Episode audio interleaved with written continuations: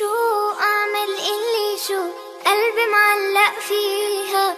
من كتر الحكي الحكيو صاير بحلم فيها. شو أعمل اللي شو؟ قلبي معلق فيها. من كتر الحكي الحكيو صاير بحلم فيها.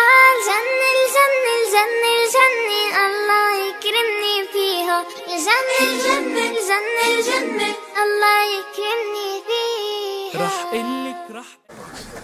الحمد لله رب العالمين والصلاة والسلام على أشرف الأنبياء والمرسلين نبينا محمد وعلى آله وصحبه ومن تبعهم بإحسان إلى يوم الدين ثم أما بعد Gdje nam nekako dole onaj, napravite mjesto da ova braća ne sjedi baš kod vrata. Ko što je vam spužva ovo ovdje? Daj, pošaljte im ću dole spužu. Ušte se braćo vamo. Ma ja, ali pošaljte vi ispužu da džaba ne stoji. Sam neka kameru nam daje. Četvrtak nakon jaci namaza, sad u ovom vremenu periodu, družimo se sa knjigom 40 hadisa imama Enneradija, odnosno komentar dvojice naših daija šehova, šeha Osmana i šeha Hajrudina.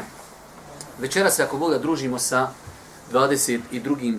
hadisom koji bilježi ima muslim od Džabira radijallahu ta'ala anhu, da je došao neki čovjek Božijem poslaniku, ali se letu selam, i kaže čovjek Božijem poslaniku, šta misliš ako budem klanjao samo propisane namaze? Nima potrebe da preko interneta sluša, se možete uživati. Provjerava. Ma, provjeraj, da, da, li, da, li, da li onaj kod kuće se čuje.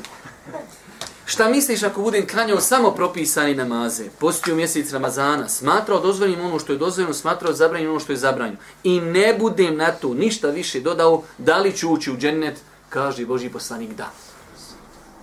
Jedan, možemo slovno reći kratak hadis, kako imate hadisa po nekoliko stranica, kratak hadis, ali veoma, veoma bitan hadis. Znači, dolazi čovjek Božijem poslaniku, ali se letu, selam, po, po ko zna koji put se vidi kako su ashabi bili jednostavni, skromni. Konkretna pitanja, meni je interesantno šta? Ja, ako ovo budem radio, hoću ja završiti u džennetu. Znači, u njih je sve se gledalo kroz prizmu dženneta. Zato onaj ashab, e, juče sam to navodio kod se stara dole pre, predaju, kada je kada se došla ona delegacija Božijim poslanik potražila da, da je pošalji da pošalje ljude koji će podučavati ta plemena Kur'anu. Pa je Božji poslanik odabrao 70 ensarija, najučeni, njih su zvali El Qurra. Kaže, oni su po cijeli dan provodili vrijeme donoseći vodu u džamiju, izmeteći, znači, por, eh, onaj društvu. E, znali su ići donijeti drva, prodaju, pa da nahrani stanovnike Sofe u džamiji. Pa je Boži poslanik poslao pa su im ovi ljudi napravili zasjedu i ubili ih sve. Kaže Enes, među tim ljudima je bio moj Amidža Haram, zvao se Haram. Kaže, pa kada ga je čovjek pogodio sa kopljetom sliđa i koplje mu izišlo naprijed, ugledao, znači smrt gotovo krenuo se i kaže, fuzistuvo rabbil ka'ba. Tako mi gospodara Kaabe ja sam pobjedio. Znači, to je za njih bilo. To je za njih džennet i sve što vodi ka džennetu da sam do zadnjeg momenta svoga života bio na, na sunnetu Božijeg poslanika, da sam bio pokuran, poslanik me poslao i ja sam krenuo tamo. I stigla me smrt. Poput onoga sahaba koji, kada je Allah poslanik prije borbe kazao, krenite ka džennetu čija su prostranstva kao nebesa i zemlja. Ka Allah poslanik, prostranstva, nebesa, zemlja, kaže da. Kada pa izvadio nekoliko datula iz žepa da pojede, Kaže, ako ja budem živio ovoliko dugo koliko ću pojesti ove datule, to je kaj predugo. Bacio datule i krenuo da juriša dok nije poginuo. Znači, kod njih je bilo pravilo, kad kažeš džennet, zatvaraju se sve verzije. Ona žena koja je imala padavicu. Kaže, Allah poslaniće, dovi za mene. Ja i bolesna sam, imam padavicu, dovi. Kaže Allah poslanik, ako se strpiš, tebi je džennet. Ako hoćeš, ja ću dovit. Ma joko, ne trebaš više, ne trebaš dovit, završena stvar. Kod njih kad se nešto rekne vodi u džennet završen, nema više ono, pa idem kalkulisat, pa izračunat, pa crta, pa ovo.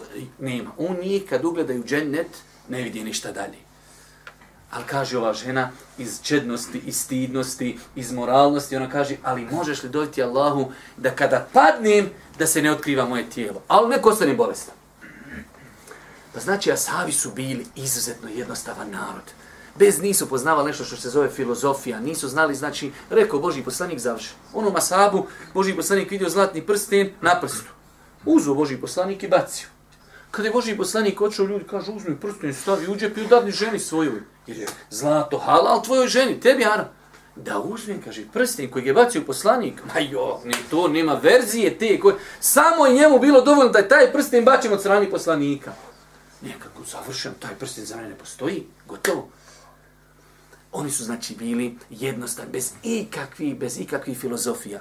Pa dolazi ovaj čovjek Božim poslaniku, ali i se ratu se nam kaže, Allah poslaniće, ja ću spomenuti neke stvari, gdje ti vidi, je to dovoljno za dženneta. Pa kaže, ako budem propisani namaze samo klanjati, poslije ćemo o tome govoriti.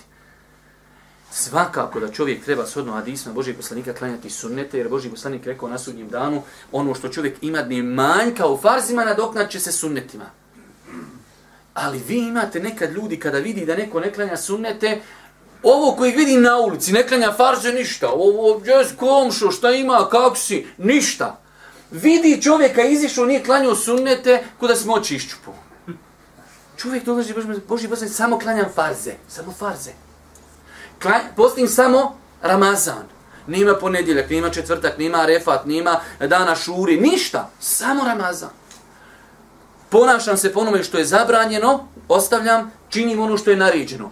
Hoću li ja tako ući u džennet? Hoćeš. Ovo nije nikako omalovažavanje propisa Islama, ali moramo biti spremni, braću moja draga, jedan od načina kako nastaju problemi u umetu jeste kada se razumu dadnije prednost na čerijatom. Jedan od glavnih razloga pojavi novotarija jeste to.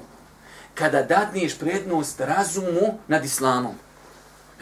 Ja sam hadis. Ko bude klanjao farze, u džennet će. Ne, ne, moraš klanjati sunet. I to gdje? U džami. Koje? Ba tebi niko ne vjera, ti to klanjaš kod kuće. Če. Ti to ne mereš sa DNK dokazat. Nema teorije. Samo ovdje te mi vidimo. Nismo te vidjeli. Ma jok, ti to ne klanjaš i završena stvar. Pa znači, braću moja draga, moramo biti spremni da kad određena pitanja obrađujemo, da vidimo što je za njih rekao Islam. I onda samo kaže se, mijana u čuli smo i pokoravamo se. Pa znači ovaj Asab je postavio jednostavno pitanje, ako budem obavljao farze, budem postio mjesec Ramazana, budem smatrao da je halal ono što je halal, to jest prakticirao, budem ostavljao ono što je haram, da li ću ja kao takav ući u džennet? Kratko, hoćeš. Završena stvar. Pa ovo je jedan veliki hadis, a opet prenosi ga jedan e, veliki ashab Džabir ibn Abdillah, pa da čujemo nešto malo o Džabiru, jer hajde da kažemo, kad imamo prenosioca e, koji prenosi par hadisa i njegova biografija je malehna, neka tu i preskočimo. Ali Džabir radijallahu taranhu je jedan od mukthirina koji su prenijeli mnogo, mnogo hadisa od Božijeg poslanika, učestvuje sa poslanikom, ali se radu sram, u velikoj većini bita kako je Božiji poslanik e, e, bojio. Kod ashabat je bilo jedno pravilo veliko, oni, oni su gledali kroz to ljude. Zato ćete naći skoro u svakoj biografiji ashaba šta? Koliko je bitaka učiti s poslanikom. Zato ću oni naj, naj, naj, naj ugledniji, najveći, kaže, i učestvoje od bedra do kraja u svim bitkama. To je bio neki parametar vrijednosti. Zato je bilo uh, u onom događaju potvori Aiši, potvora Aiši, kada je bilo, vi znate kako je se to desilo, pa jedan ashab je pao u tu fitnu ashab pao je u bilo je munafika koji su govorili e, o Aiši loše. Ali jedan ashab je pao u tu fitnu. Kada je njegova majka Aiši kazala da je on pao u to, bukvalno ga malo opsovala, uvrijedila, šta je kaže Iša? Još Iša ne zna šta se desilo. Ona kaže, hm, propu nege nisva. Kaže, če kaže, vrijeđaš čovjeka kakvog? On je bio na bedru. Završen. Znači, kod njih bio na bedru nije masum, nije nepogrešiv, ali je to nešto, nakon toga, to nije niko mogao više sustići. Nisu isti koji oni, kaže uzvišen Allah Đeršan, nisu isti oni koji djeljuju prije oslobođenja Meke i poslije. Jednostavno ima sve svoju vrijednost. Pa ovaj ashab zaista zaslužuje da malo pročitamo nešto o njemu. Možeš, ajde, nema veze iz početka. Džabir ibn Abdullah ibn Amr ibn Haram ibn Sa'leb el-Hazriđi el-Sulemi el-Ensari Ebu Abdullah. I on i njegov otac i njegova majka su ashabi drugog Allahovog poslanika sallallahu alaihi ve sellem. Otac mu je Abdullah ibn Amr ibn Haram jedan od učesnika na prvoj i drugoj akabi. Borio se u bitci na Bedru kao i na Uhudu koji je poginuo kao prvi šehid. Majka mu je Nisa bint Ukve bint Adi ibn Sinan. Poznate je znači, događaj sa e, ocem Džabirovim Abdullahom kad je poginuo, pa je Allah poslanik ali se ratu, se nam zakovo ga s nekim ljudima zajedno, jer na Uhudu prvo muslimani su jedan žestok poraz, poginulo je 70 ljudi, e, izranjavani dosta ljudi i onda još u to vrijeme trebalo iskopati kaburove, pa je Boži poslanik rekao, zakopajte po dvojicu, po trojicu ljudi u jedan kabur. Pa je Džabir, zako, e, pa je Džabirov otac Abdullah zakopan sa jednim čovjekom zajedno u kabur. Kaže on, pa se ja nisam mogu smiriti jednostavno. Iako je prvo su odnijeli njegovog oca u Medinu, pa je Boži poslanik rekao, vraćajte sve koji su poginuli na Uhudu, tu će se zakopati na Uhudu. A on kaže, ja nisam mogu trpiti da moj babo leži s nekim u kaburu, to je on imao tu svoju neku viziju, pa je on očeo otkopo ga i zakopo ga da ima zaseban kabur. Znači, njegov otac, Abdullah, je poginuo na Uhudu. Dobro. I sam Džabi radi Allahu an na prvoj među 12 ensarija i drugoj akabi zajedno sa 70 ostalih. Toga, dan, toga dana bio je najmlađi od njih. Mm -hmm. Učestvovao je sa Allahovim poslanikom, salallahu alaihi veselem, u 12 bitki. Kaže za sebe, nisam učestvovao na Bedru niti na Uhudu, zato što mi je otac zabranio. Pa kada je bio, bio ubijen, nisam nakon toga propustio ni jednu bitku sa Allahovim poslanikom, salallahu alaihi veselem. Mm -hmm. Bio je i od učesnika Hudejbije, Allahu poslanik, salallahu alaihi veselem, rekao je za njih, vi ste najbolji stanovnici zemlje. Da, to ovo su sve znači vrijednosti koje govori o ovom ashabu velikom. Vidjet ćemo koliko poslije da je 1540 hadisa primjer Božih poslanika.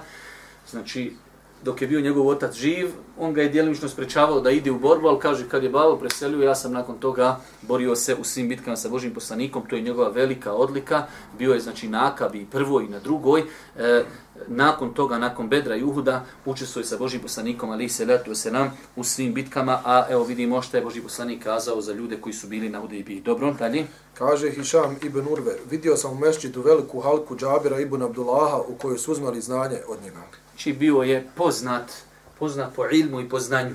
Rekli smo vam više puta e, da ashabi se dijeli u dvije kategorije. Imamo ashabe koji su prinijeli malo hadisa od Božih poslanika, od kojih su na kraju kreva i Omer i Ebu Bekr. Pa čak i Osman, radijallahu ta'ala anhu, e, dok imamo s druge strane ashabe koji su prenijeli mnogo, mnogo hadisa i svakako da su da je to pokazatelj i njihovog znanja, pa vidimo ovdje znači da su da su ljudi oko njega okupljali i učili od njega znanje bio jedan od ashaba koji su prenijeli mnogo hadisa od Allahovog poslanika sallallahu alejhi ve sellem, pa je prenio 1540 hadisa. Pred kraj svoga života je oslijepio. Kaže se da je umro 77. ili 78. hidžetske godine sa 94 godine života i on je jedan od posljednjih ashaba koji je preselio u Medini. Kaže se da mu je dženazu klanjao Eban ibn Usman koji je bio tada namjesnik Medine. Allah da bude zadovoljan sa njim. Amin. Dobro, ovdje imamo izvedbu hadisa. Mi smo rekli pravilo, ako je hadis zabilježen ili u Buhari ili Muslimu, ili da su ga zabilježili Buhari i Muslim, mi tu više e, ne, ne, ne ulazimo. Znači, to je e, za nas, pod navnim znacima, neka svetost Buharija i Muslim završena stvar. Tako da ovaj hadis bilježi Muslim, bilježi ga i mnogi drugi, ali dovoljno ga samo bilježi Muslim, završena stvar. Već nas interesuje jedna interesantna stvar. Prošli put smo o tome govorili. E, kada smo govorili o onom e, hadisu, e, reci ja vjerujem Allah, zatim ustraj. Pa smo spomenuli da isti ti, e, isto to znači nalazimo u Kur'anu. Innal ladina qalu rabbuna Allahu thumma istaqamu. Oni koji reknu mi vjerujemo, zatim ustraju i tako dalje. Ovdje imamo više drugih hadisa koji su došli u sličnom značenju kao i ovaj hadis. Pa da vidimo neke hadise koji imaju opet u sebi neku dodatnu korist. Sličan hadis se prenosi od Ebu Hurere radi Allahu da je jedan arabljan rekao Allahu poslaniće, ukaži mi na djelo zbog kojeg ako ga budem radio ući u dženet. Odgovorio je, obožavaj samo Allaha i nikog mu ne, ne smatraj ravnim. Obavljaj propisane namaze, izdvaj obavezni zekat i posti Ramazan. Arabljanin je rekao, tako mi onoga koji te poslao sa istinom, ništa na ovo neću dodati, niti, niti ću išta od ovoga oduzeti. Kada se okrenuo i otišao vjerovjesnik sallallahu alejhi ve sellem rekao je: Ko želi da gleda u stanovnika dženeta, neka gleda u ovoga. Znači, slično pitanje, sličan odgovor, s tim što ću mi poslije komentarisati. Zašto je ovaj ashab u, u našem hadisu konkretno, znači, koji danas radimo od Džabira, zašto je samo spomenuto namaz i post? Dok ovdje vidimo da on kaže, o, ako budemo obožavao Allah, Đelšanu, ako o, budem propisan namaze, obavljao, davao zekat postio mjesec Ramazana, pa mu je Boži poslanik rekao, odnosno rekao je njima, ko hoće da gleda dženetlju, evo ga, To je taj, ako bude samo iskren onome što je rekao. Pa ćemo poslije e, pomiriti značenje, jer pazite u islamu zapamte jedno veliko pravilo. Nemoguće je da Kur'an i hadisi budu u kontradiktornosti. Kao što je nemoguće da kuranski ajet između se budu u kontradiktornosti, kao što je nemoguće da vjerodostojni hadisi budu u kontradiktornosti. Zato Ibn Huzeime i drugi učenjaci govorili, donesite mi dva vjerodostojna hadisa da se ne mogu spojiti. Nemoguće. Znači, ne, zato što je to šta? Oma jantiku anil heva in huwa illa wahyun juha. On ne govori po hiru svome. To je objava koja mu se objavljuje. I nemoguće. Walau kana min indi ghayri Allahi la wajadu fihi ikhtilafan kaseera. da je Kur'an od nekog drugog a ne od Allaha u njemu bilo kolizije koliko hoćeš i bilo koju knjigu otvorite naći te određene podatke nije preciz nije dobro bez obzira osim Kur'ana. ni jedan podatak u Kur'anu ne možeš mu prigovoriti nekada možemo mi imati problem dođe ti hadis gdje se kaže kod odirne spolni organ kvari abdest u drugom kaže ne kvari abdest Eto vam kontradiktornost. Hajde da vidimo šta je Ulema rekla po tom pitanju. Da li je Ulema rekla, e stvarno ovo je kontradiktorno. Pogledaj, u islamu ima nešto derogirani, derogirajući, kad je koji izrečen, ovaj se razumije ovako, ovaj se razumije onako i tako dalje. Pa i ovaj hadis, znači nije u koliziji sa ovim hadisima, već se može shvatiti da hadis Džabira pitao Asab dok još nije bio propisan zekijat, još nije bio propisan hađ, pa je on pitao, Boži poslaniće, ovo sva što je do sad propisano, propisan mi je namaz, propisan mi je post, ja ako ovo budemo o, prakticirao, hoću li džennet? Hoćeš. Ali to nikako ne isključuje, ne isključuje obaveznost zekijata, obaveznost hađa ili, hajde kažemo ovdje konkretno, i e, obožavanje uzvišnog Allah subhanahu wa ta'ala. Da čujemo drugi hadis. Također hadis sličnog značenja prenosi se od Talhe ibn Ubejdullaha radi Allahu an, koji kaže da je neki arabljanin oborine glave došao do Allahu poslanika sallallahu alaihi ve sellem i rekao Allahu poslaniće, obavijest me čime je to Allah obavezao od namaza. Vjerovjesnik sallallahu alejhi ve sellem je odgovorio: sa pet dnevnih namaza, osim ako hoćeš, šta još od dobrovoljnih? Arab, Arabljanin je ponovo upitao: "Obavijest me šta mi Allah propisao od posta?" Vjerovjesnik sallallahu alejhi ve sellem rekao je: "Mjesec Ramazana, osim ako hoćeš šta dobrovoljno." Opet je Arabljanin upitao: Obavijest me šta mi je propisao od zekata. Vjerovjesnik sallallahu alejhi ve sellem ga obavijestio i ostalim propisima islama, Pa je Arabljanin rekao, tako mi onoga koji te počastio istinom, neću ništa dobrovoljno činiti, ni ništa od onoga što mi Allah obaveznim učinio ostaviti. Allahu poslanik sallallahu alejhi ve sellem na to je rekao prisutnima, ako bude iskren u ovome, ući će u dženet. Mi iz ovih stvari možemo naučiti jednu veliku korist koja ne znam koliko će danas sam ja to pripremio, čitao, ne znam koliko je spomenuta, ali braću moja draga, ovi svi hadisi nama ukazuju koliko je bitno da ljudi ustraju na temeljima imate vjerodostojne hadise koje opet treba ispravno razumjeti. Da Boži poslanik kaže doće vrijeme. Prvo kaže ashabima, vi živite u vremenu, kaže, kada bi neko od vas ostavio desetinu onoga što je naređeno, kaže, uništen bi bio u propu.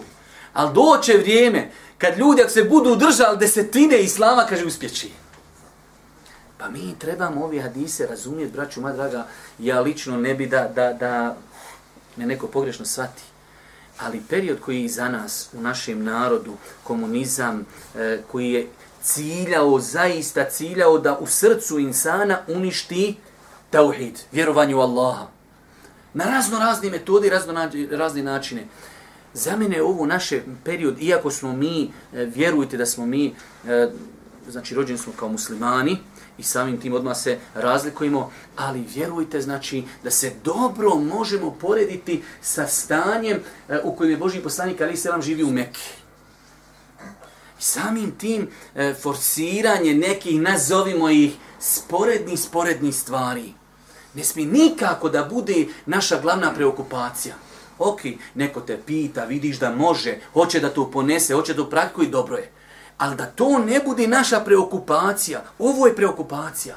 Namaz, post, hađ, zekijat. Ja, rab, poslanik, pazite, šta mislite sad, šta bi neko od nas dao da vidi poslanika svojim očima? Valo, ja bih rekao sad, oš planetu, už mjesec, už sunc, šta hoćeš, evo ti. Ti ljudi koji su poslanika gledali očima, on kažu, ja neću nikakve sumnjete klanjati. Ja sam klanjam farze, kaže, ti ćeš u džennet. Ako su oni koji su poslanika gledali, koji toliko klanja, toliko se ponaša lijepo, oni kažu, ne, ne, to ok, ali ja to neću. I opet poslanik kaže, ti ćeš u džennet. Mi isto ja trebamo naučiti jednu veliku davetsku korist, da ljude pozivamo u temelje. Ko što je Muaz ibn Džebel kada ga je Boži poslanik poslao u Jemen u zadnjoj godini svog života. Pojasnim, kaže da Allahu robuju, nakon toga namaz, nakon toga zekijat. Krupne stvari, braćo moja draga, imamo, a, mi nekad moramo privatiti tu činjenicu. Nekad sebi zatvorimo vrata i kod svoje majke, i kod svog oca, i kod svoje rodbine, zbog nekih, nazovimo ih, pravo sporednih stvari. I onda zatvoriš sebi vrata, što bi ti sutra njemu rekao, halo, to je kufr, to je nevjerstvo, to je širk, to je namaz, ostavljanje. Ne možeš, ti sebi zatvorio vrata zbog koliko hoćete ima primjera. Pa je veoma bitno, veoma bitno znači da insan ove stvari ovako svati. Ako su ashabi mogli, gledajući Božije poslanika, reći, mi ćemo klanati sam farze, i on im kaže, tako ćete ući u dženet ako budete iskreni, onda je to nama veliki dokaz da mi našim narodu koji, koji se, pazite, dobro dalje od vjeri. Ja sam e, sinoć isto navodio predaju i danas snimao sam neke emisije. Kada je Boži poslanik Ali se vratu je obznanio svoju, obznanio svoju davu. Pazite, uvijek je Meka bilo mjesto hađa. Pa kada je Boži poslanik obznanio svoju davu, Kurešije su napravile kongres. Kažu, hajmo sjest, da dogovorimo, da ne budemo kontradiktorni. Hajmo napraviti zajednički stav, šta ćemo poslaniku reći? Jer poslanik će ići na Meku, iće na Minu, iće na Arefu, a ti će s ljudima i u njih poziva.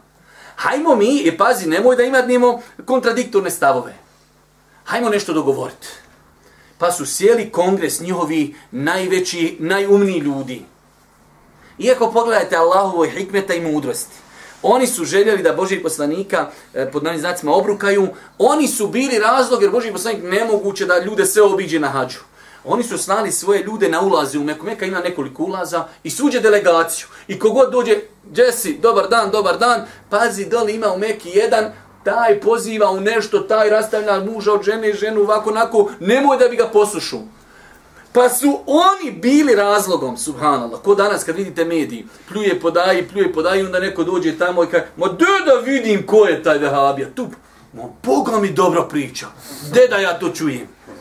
E, isto i oni, u to vrijeme, hajde kaj da se dogovorimo, ali svi da istu stvar pričamo. Pa kažu šta bi mogli reći? Kaže jedan od njih, hajmo reći da je sihribas. Kažu ovi ljudi stari kurešije, mi smo vidjeli ko su sihribase ovaj čovjek nije sihirbaz. Nije dobra tu verzija. Hajmo kaže, reći da je pjesnik, on znači, on dolazi s nekim stihovima, sa Kur'anom, hajmo reći pjesnik. Opet ovi stari su, kaj, kaj mi smo slušali pjesništvo, jer pjesništvo u to vrijeme je bilo vrh. Ali ovo nije pjesništvo. Poslije će oni dogovoriti da reknu da je sihribaz. Ali šta je pojinta? Jedan od njih kad su predložili da reknu da je pjesništvo, kaže, jok, njegov govor kaže, inne li kelamihi la halava Njegov govor ima slatkoću. Subhana. Mušici obožavaju, obožavaju kipove, kaže njegov govor ima slatkoću. Haj mi daj kol muslimana u Bosni koji klanjaju, ne ovi koji ne, da, su, da znaju da Kur'an ima slatkoću.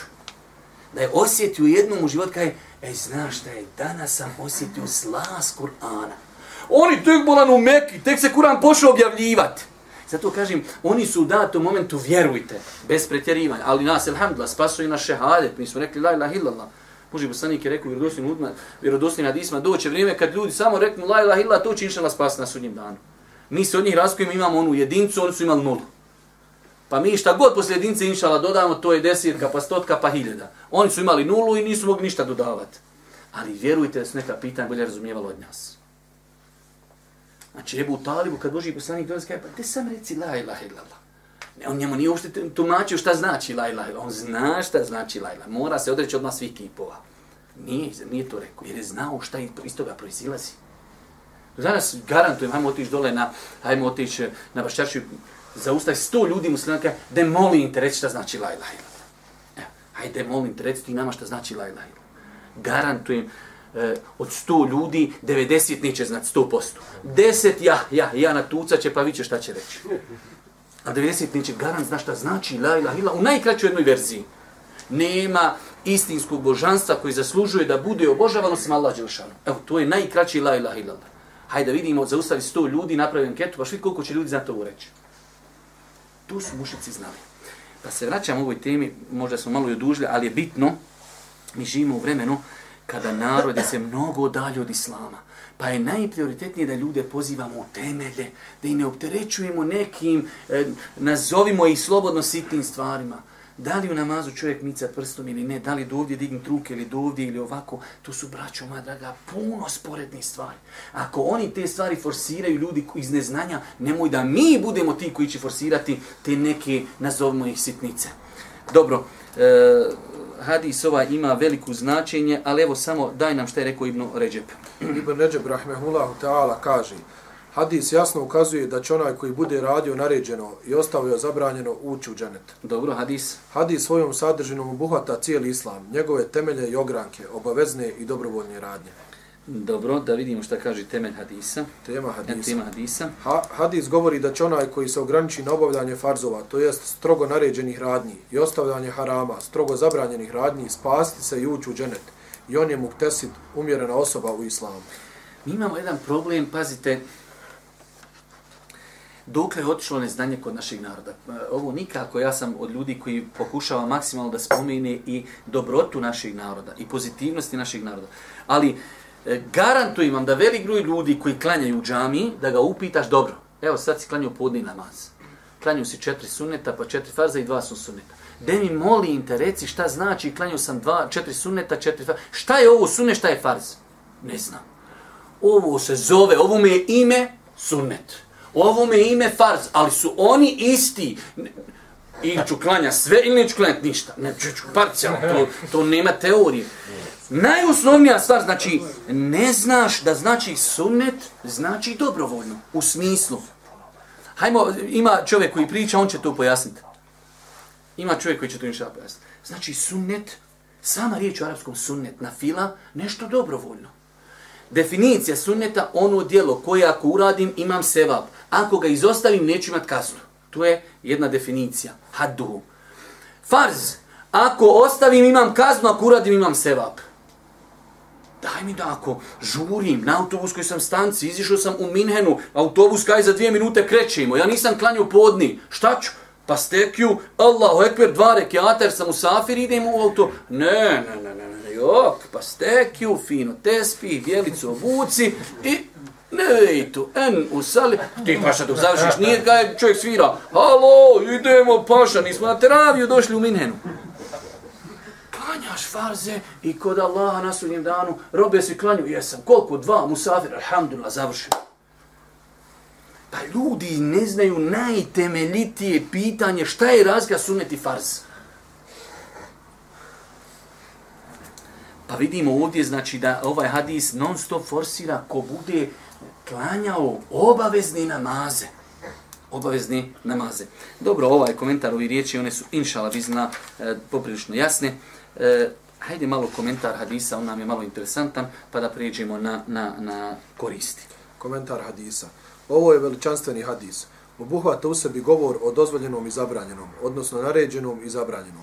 Svojom sadržinom hadis poručuje da onaj koji bude radio naređeno, a naročito praktikovao osnove islama, te se ostavio zabranjenog i sumnjivog, može se nadati dženetu. Dalje. Neophodno je da se naređene radnje rade i zabranjene ostavljaju iz pokornosti Allahu, to jest da se sve to čini radi Allaha. Normalno, ovo je samo pojašnjenje koji se podrazumijeva. Ako čovjek već klanja, ostavlja što je zabranjeno, čini ono što je naređeno, ne čini to zbog neke materijalne koristi, čini to radi Allaha, nadajući se Allahu subhanahu wa ta'ala nagradi, pa znači, inšal, to se podrazumijeva. Hajde dalje. Neophodno je da se naređene radnje rade i zabranjene ostavljaju iz pokornosti Allahu, to je, to jest da se sve to čini radi Allaha. Zatim, hadis govori o bitnosti namaza i posta, jer se oni ovdje po imenice spominju za razliku od drugih ibadeta.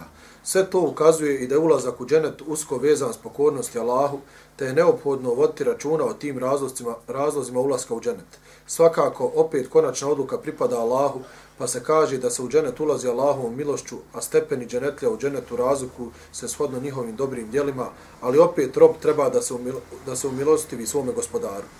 Vidite, znači, može neko doći na ovaj hadis prigovoriti hadisom gdje kaže da, da su asabi rekli, e, znači da je Allah poslanik rekao, niko od vas neće ući u dženet zbog svojih dijela.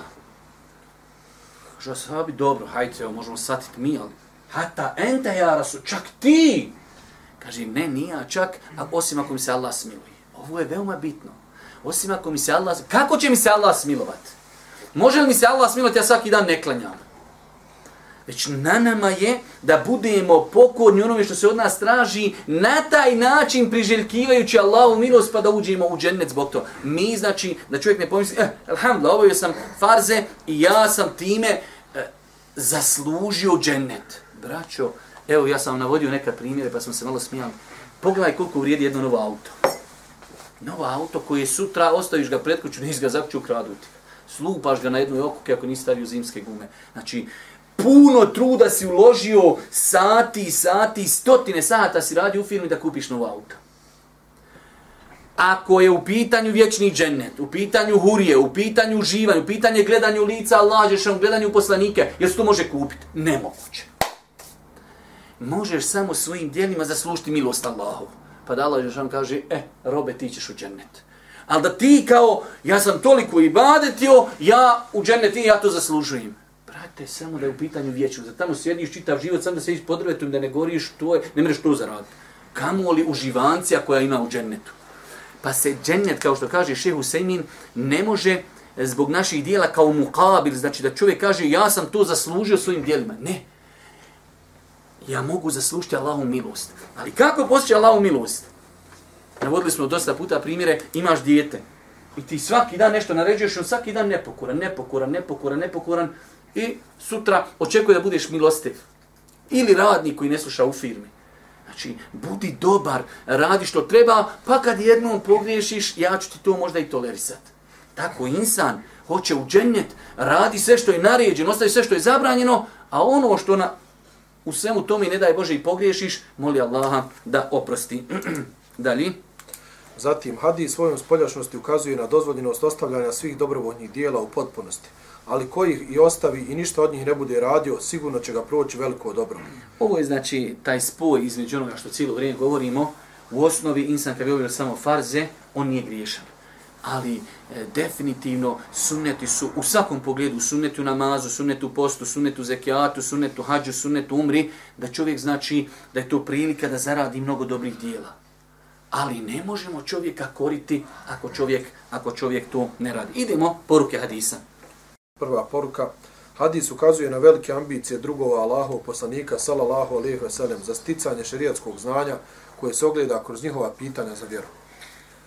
To smo više puta pojašnjavali, znači iz tog njihovog dolaska, dolazi negdje čovjek iz pustnje, Maksuz je došao samo da pita Božih poslanika da mi pojasni, a idem nazad.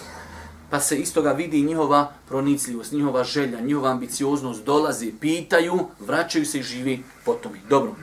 Broj dva, Njihov plemeniti cilj bio, bio je ulazak u dženet i približavanje Allahu, a ne mnoštvo imetka, djece i dunjaličkih ukrasa.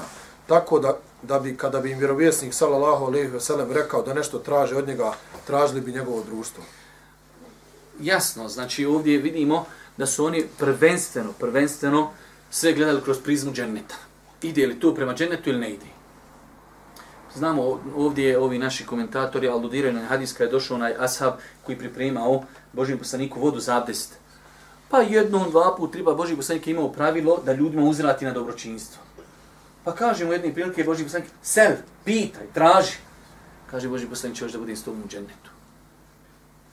Ja, evo, rekao sam tu više, mene sad neko da zaustavim cestinu, onako, neko blic pitanje. Šta bi volio? Novog BMW-a. Džaba je, takav sam i završena stvar, iako nikad život nisam se u BMW. Ali, nešto bi od Dunjaluka. Oni su to, u njih to, to uopšte ne postoji u hard disku. On živi za džennet. Znači, kaže Boži poslanik, evo gajra da, da vidi, ima nešto drugo? Ništa drugo, samo to. Znači, oni su pitali nešto što što im koristi na hiretu. Broj 3. Najveća želja vjernika na ovom svijetu je da uđe u dženet na drugom svijetu. Ne treba komentarisati. Broj četiri. Drugove Allahov poslanika, salallahu alaihi ve sellem, bili su ubjeđenja da, će se, da se za dženet mora raditi, te su pitali za djela koje će uvesti u dženet. Ovo je jednostavno, Allah. A to ko nama potrebno. Vi danas imate ljudi, e, pazite, mi ne želimo nikad kad govorimo ovakve stvari da mi kvalificiramo ljudi, da mi osuđujemo džoče ko u dženet, neko u dženet, ne. Ali logika stvari, dođe čovjek, ne klanja nikako ne posti, ne daje zekijat. Harama od sve što postoji u riječniku harama, on ima tu pri sebi. Istetoviran podaždenjak, kamata ima, ne mere i njegovo pravo unuče vratiti. Ovdje, ondje, po koridama, po kladioncama, ne izlazi iz kladionica, krevet u kladionci. On, znači, i doješ, e, a u srce. Ja, rab, kako? Znači, pogledaj saba. Kažem, ja hoću da uđem u džennet. Da mi reci šta vodi ka džennet. I rekao, pa ja bi u džennet, možem to i kako spavajući. Ne more, brat, možeš novo auto dobiti spavajući. Ne mere tako mi Allah. Ne možeš dobiti jabuku jednu. Moraš malo podice se rad. Kamo li za Ela inne sil'ate Allahi galije. Allahova roba je skupa. Allahova roba, da nema u džennetu, a ima, da nema ništa osim da čovjek gleda u gospodarovo lice da gleda u poslanika Lisena, da vidi Ebu Bekra, da vidi Omera, da vidi Osmana, da vidi Halid ibn Velida. Ja, rab, ima, ima li, ima li, može se to platiti? Koliko bi sad neko od nas dao kaže, slušajte, ima mogućnost da vidiš Halid ibn Velida, treba plat, neđe, bit će mogućnost da platiš, koliko bi neko od nas bio spreman platiti? Ja bi se, da je vidim tog insana, tog Allahovog groba, sam da ga vidim. A šta misliš da vidiš poslanike? Da vidiš ostale poslanike? Ima li neko ne volio vidjeti Jusufa Alisa? Pola ljepoti Dunjalka. Svi mi na jednu vagu, on pola tamo. Daj da vidimo kakav je taj najljepši rob na planeti. Moraš to zaraditi, ko što ne možeš, ne možeš Allaha mi ponjavu dobi džabi. E, hoćeš džabi ne dobiješ, e, čovjek, on to tako, u njega jedan plus jedan. E, ništa ne praktikuje, sve harame čini i on se nada, on konta bit gore sa šehidima i s poslanicima u Firdeusu. Ali na Allah ti na osnovu čega? Hajde, da mi reci na osnovu čega. Dalje. Stoga i na svakom muslimanu da pita učene ljude bitna vjerska pitanja koja on ne poznaje. Ovo, ovo, je, ovo je priča za sebe. Znači, mi još živimo u tom nekom kamenom dobu kad u nas ljudi prvo napravi bela i onda kad, kad vidi da to u blato, zovi, zovi. Onda, e, ja, kaže, tonim, daj mi špaga, paša, sad ću dati na glavu da potoniš dole još dalje. Isto ti je, ha, nazvao prije, ha, nazvao poslije. Samo ako nazoveš prije, ispravno ćeš postupiti. Napravi čovjek belaje, napravi belaje i onda, e, de mi kaži kako da se ja spasim svega toga. Brate, daj obrnuto. Što tako ne radiš kad je u pitanju auto, kad je u pitanju zemlja, kad je u pitanju škola? Upiš, ideš tri godine na fakultet i ja kažem, znaš, taj, stvarno zeznao sam se. Aj, paša, niste čoveče, sjediš, pa pita, pa kakvi profesor, pa kakve diplome, pa mogli rad, pa ne mogu rad, pa hoš kupiti auto, pa kakvo je, pa kilometraža, pa gume, pa ovo, pa ono, pa prekucana šasija, pa ovo, sve te interesuje zato što ćeš morat brojat pare. Kad je u pitanju islam, oh, Dobro, dalje. Hadis pojašnjava da je za izvršavanje vađiba, vađiba to je strog obaveznih, strogih obaveza nagrada dženeta. Jasno. Znači, imamo stroge naredbe u islamu za obavljanje strogih naredbi. Allah Đelšanu obećaj svojim robama dženet. Iz hadisa se može zaključiti da se neće koriti osoba ukoliko bi obavljala samo strogo naređene ibadete, a ostavila pohvalni. O tom smo cijelu noć govorili. Od Allahove mudrosti je da ibadete učinio vađbima strogo obaveznima i mustehabima, to je pohvalni. Znači, hvala Allahu, Đelšan, to je Allahova nijamet i blagodat prema umetu, da nisu sve stvari na istom nivou. Znači da svi propisi u islamu su na istom nivou. Da je dizanje ruku u namazu, ko sam namaz. Da je sve farz. Pa ti čoveče, ti bi znači bio ukočen, znači ne bi bukvalno, da su, da su svi harami na istom nivou, da su sve novotarije na istom nivou, da su sve naredbe na istom nivou. To bi bilo veoma teško čak Allah najbolje zna nemoguće. Ali Allah je što dao pa da imamo, imamo uh, farzove, imamo doli ispod malo vađib, pa imamo nešto što je mubah, dozvoljeno, pa imamo haram, pa imamo mekruh. Pa insan, znači nekad, ako i zatreba, ima tu i toleranciji. Dobro. Ukoliko bi osoba obavljala samo obavezne namaze, mogla bi ući u dženet. S tim da je svakako bolja osoba koja obavlja i na file pojašnjeno više puta. Činjenje dobrih dijela povodi ulaska u dženet, a sam hadis ukazuje da je od dobrih dijela koji uvode u dženet obavljanje propisanih namaza i post mjeseca Ramazana, prihvatanje halala i ostavljanje harama u potpunosti. Znači, vraćamo se non stop na, na istu temu. E, ovaj hadis, dok su u njemu spomenuti namaz po, poimenično, e, post poimenično, to onda ukazuje na bitnost ovih ibadita. Hadis ukazuje na vrijednost namaza i posta, jer su povod ulaska u dženet. Namaz, a potom post, najveće su obaveze muslimana nakon vjerovanja u Allaha i njegovog poslanika, kao što su i najvažniji povodi za ulazak, za ulazak u dženet. Džaba je, znači mora insan e, ukazati tudi na tu činjenicu da, da zaista današnje stanje umeta, e, ne bi ja sad da govorim o možda razlozima kako je došlo do toga, ali jednostavno zaista ljudi su znači toliko indolentni prema nekim najvećim temeljima. Evo možemo znači neke sporedne stvari, da li neko posti ponedjeljak i četvrtak, da li neko to sve neke nazovim, ali najkrupnije stvari, najkrupnije stvari, namaz. Ja lično bi imao mnogo toga ogovoriti šta su razlozi, ali znači generalno dijagnoza stanja naroda jeste da je njihov odnos prema najvećim, prema najvećim postulatima vjeri. Post. Vi vidite, evo, u gradovima gdje su muslimani većina, vidite kako restorani radi za Ramazan. Znači, e, hoću kažem koliko ljudi konzumiraju to. Pogledajte, vidite, evo, dođite na, na čaršiju, uči ezan. Koliko ljudi srati u Begovi, u Carevu ili, ili u Čaršijsku. Možda 1%, ostalo ljudi hodaju, šetaju i vjerujem kad vi čovjek poimenično zaustavio vidio da je to preko 90% ljudi imenom muslimani. E, sam je tu, sedmo sam klanja pa opet nastavi šet. Jok. Znači, zbog naj, znači, zbog banalnih stvara svakako ima jedna doza, ima jedna doza da ljudi nisu svjesni koliko je to težak grijeh. Jednostavno ljudi to doživljavaju namaz i to je to ono, može to tako.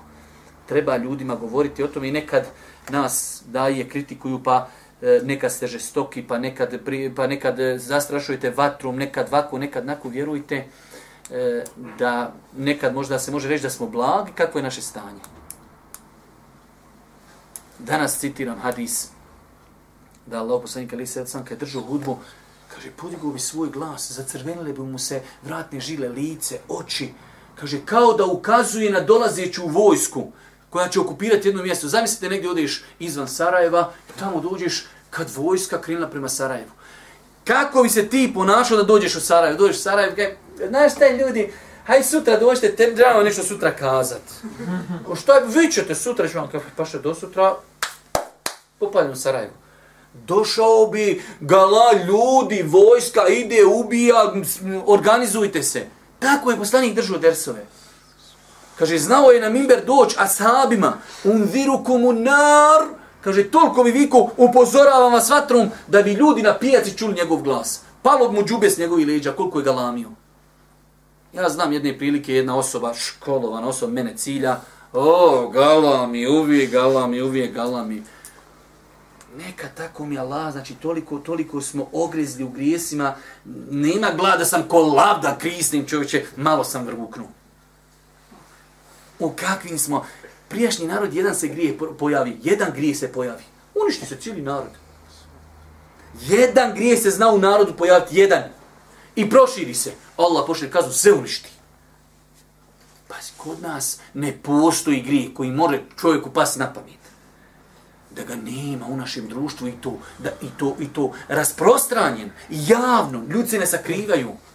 I ništa, paša, spavaj, uživaj. Nemoj ga lamit, lagano, ne bi sad da govorim, imam jednu temu koju ne bi da otkrivam ovdje pred kamerom, da su ugašene kamere, pa vam mogu vam poslije ispričat onaj, neke stvari. Hajde dalje, dobro. Halal i haram u islamu je ono što je halalio ili haramio Allah u svojoj knjizi i njegov poslanik sallallahu alejhi ve sellem u sunnetu. Znači ovdje se, kada je onaj ashab rekao, ako budem halal smatrao halalom, haram haramom, misli se prvenstveno na one stvari koji su jasno definisane od strane Allaha Đelešanu, da smiš, ovo je haram, ovo je halal. Znači, eh, onaj ko ima pravo jeste uzvišenje Allah Đelešanu, poslanik Ali je sram opet putem objavi. Broj 14. U hadisu nije spomenut zekat niti hađ, iako su od temelja islama. Moguće da je u vrijeme izricanja ovog hadisa hađ nije bio propisan i da osoba koja je pitla nije bila dužna davati zekat ili ipak ulazi u definiciju pridržavanja halala i ostavljanja u potpunosti harama. Znači kad bi neko prigovorio na ovaj hadis i kaže nije spomenut hađ, nije spomenut zekat, e, možemo odgovoriti na dva načina. I oba dva su validna i oba dva su teška. Jer vi znate da, da jednostavno islam je e, vremenom kompletiran. Pa imate znači razlikuje se mekanski period gdje se većinom znači e, tačka stavljala na vjerovanje. Kad su ošli u Medinu, tek tada dolazi propisi, propisi, propisi. Pa moguće da ovaj čovjek postavio pitanje u period kad još nije bio propisan ni zekijat ni hač. I to iako ja lično smatram imamu Neveviju kao jedna mala opaskica, bolje je bilo da je ovakav isti hadis spomenuo neki drugi hadis u ovom poglavlju u kojem su spomenuti ostale stvari. Ali imam Nevevi je daleko od toga da mu mi možemo nešto prigovarati. Pa znači, ima, e, prvi odgovor jeste da je ova jasa poslije pitanje, te stvari još nisu bile naređene. Druga stvar jeste da se kaže, kad je on rekao i smatraću halal, halal halalom i haram haramom, da namaz i zekijat on nije spomenuo čisto, jednostavno naveo je nešto što mu je palo na pamet. Ako budem postio, ako budem davo, ako budem e, obavljao namaz i tako dalje. Pa potpada e, naredba hađa i zekijata pod smatranja naređenim ono što je naređeno, smatranja harama ono što je zabranjeno. Dobro. Onaj koji podučava ljude vjeri, treba da vodi računa o prirodi onih koji podučava, te da ih podučava onome što su mogućnosti da shvate. Ovo je znači ona pitanja o kojim smo malo duže govorili, a i ovdje se vraća na jedno drugo pitanje. Imamo znači prvo prioritete, imamo nešto što ljudi mogu shvatiti. I kad prioritet govoriš, opet moraš paziti kako ćeš to pojasniti. Zamislite da, da imate, da imate e, dijete prvi razred osnovne škole, imate fakultetlju i neko dođe profesor i njima dvojice želi da dadne istu lekciju danas u školi. Nemoguće. Ovaj tu dječak ne može, ne može ti, možeš ti se ljutit koliko hoće, ne razumije. Zato su došle izjave uh, od Alije i drugih asaba, obraćajte se ljudima uh, znanjem koje oni mogu razumijeti, koliko mogu shvatiti. Vjerujte, na, mogu vam navesti mnogo e, primjera iz koje je proizišlo mnogo problema jer smo mi čačkali neka pitanja koja ne mogu ljudi progutati. Ti znam sad dijete, dojenče, dijete dva mjeseca. Ti, I kod kuće ti rezeš suđuku, je dobre suđuke, daj ženo dijetu suđuki. E, e, da, on čovjek, on jedan mlijeko jede. Ne, ne, ženo, zdrava je suđuka, naguraj mu, tri, četiri kolu tamo gurno. Pa što tu, a valla je utušćaš čovjeka tušćešću nemoguće, ne more progutat. Nije došao na taj nivo da mu je dobro grlo, kad pojde je završena stvar. E tako, ja sjećam jedne prilike, neću da vam pričam, duga je priča. Jedne prilike sam bio u situaciji kad jedan insan ljudima nešto vajzio. Sad ne da vam dolazim u kulnost, duga je priča, možda nekad kad bude akika da vam ispričam. Uglavnom, taj insan e, imao je malo poremećene te prioritete. Bio je sa hađijama koji su, znači, ono, poprilično ljudi, eh, hajde da kažemo, mnoge stvari ne kont... Sve što ima, gdje smo pod nanim znacima, mi ova mlađa raja se sa starim didovima razgledamo, oni njima sve u posata izbiflo. Od nokaba, od nogavica, od micanja prstiju, da ne govorim neka pitanja, ne smijem iskazati ovdje pred kamerom, sve najosjetljivija pitanja, Allahom se kunim, jedan čovjek poslije, nakon što je čovjek ošao, održao on svoje što je održao, kaže jedan čovjek, došao čovjek nađe. Kaže, vjerujte, ljudi, sam pomislio da ostavim islam ako ovo ovako, ja, ja ovo ne mogu. Ja ode, ja ode izvjeri. Što misliš dok li možeš dotjerati čovjeka da mu ti, e to je ovaj mali koji se mu natrpao u suđuke. No ženo šta mu je ne voli suđu, daj mu pure. Gruhaj mu, daj lopatu. Pa šta tu, sad more zrak i mliko. Hoš privatneš, guraj u njega, razumiješ turu i prigorit će. E to ti je taj bošnjak koji kaže, Allah, kaj čovjek, ja sam razmišljao da ostavim vjeru. Došao na hađ, završio hađ, čovjek, to je nakon povratka s hađa, ja sam razmišljao da ostavim vjeru. Ne može čovjek progutat, ne može dijete, ti čovjek, prvi osnovni, kako bola ne razumiješ razlomke? O ne, daj mi, daj mi da, da, da jedincu napišem, trese mu se ruka, zna jedva pravu ime. Kako ti ne, razumiješ razlomke? Korjenovanje, pa to ti je sine, kako? On korijen, ti korijen pred mrkva, čovječ, on sam vidi paprike bolan. Ne vreš mu pojasniti nema kruha. Kaže, imaš ti tri jabuke, dadneš meni jedno. A ne dam, kaže. Ne vreš mu pojasniti čoveče. Dadneš kaj bratu, imaš tri čokolade, daješ bratu. Ne, ne, ne, ne, dam ja svoje, nikom. Ne vreš njemu ništa pojasniti čoveče. I ti onda doješ kako, tako ljudi uvjeri Allaha mi. Dođe čovjek, on ima oko sebe Hamajlija, paša znači, i ti dođeš njemu, o nekim sam debolan da prvo shvati da mačke, Hamajlije, horoskopi, da to nema u islamu. Temelji, tako mi Allah temelji.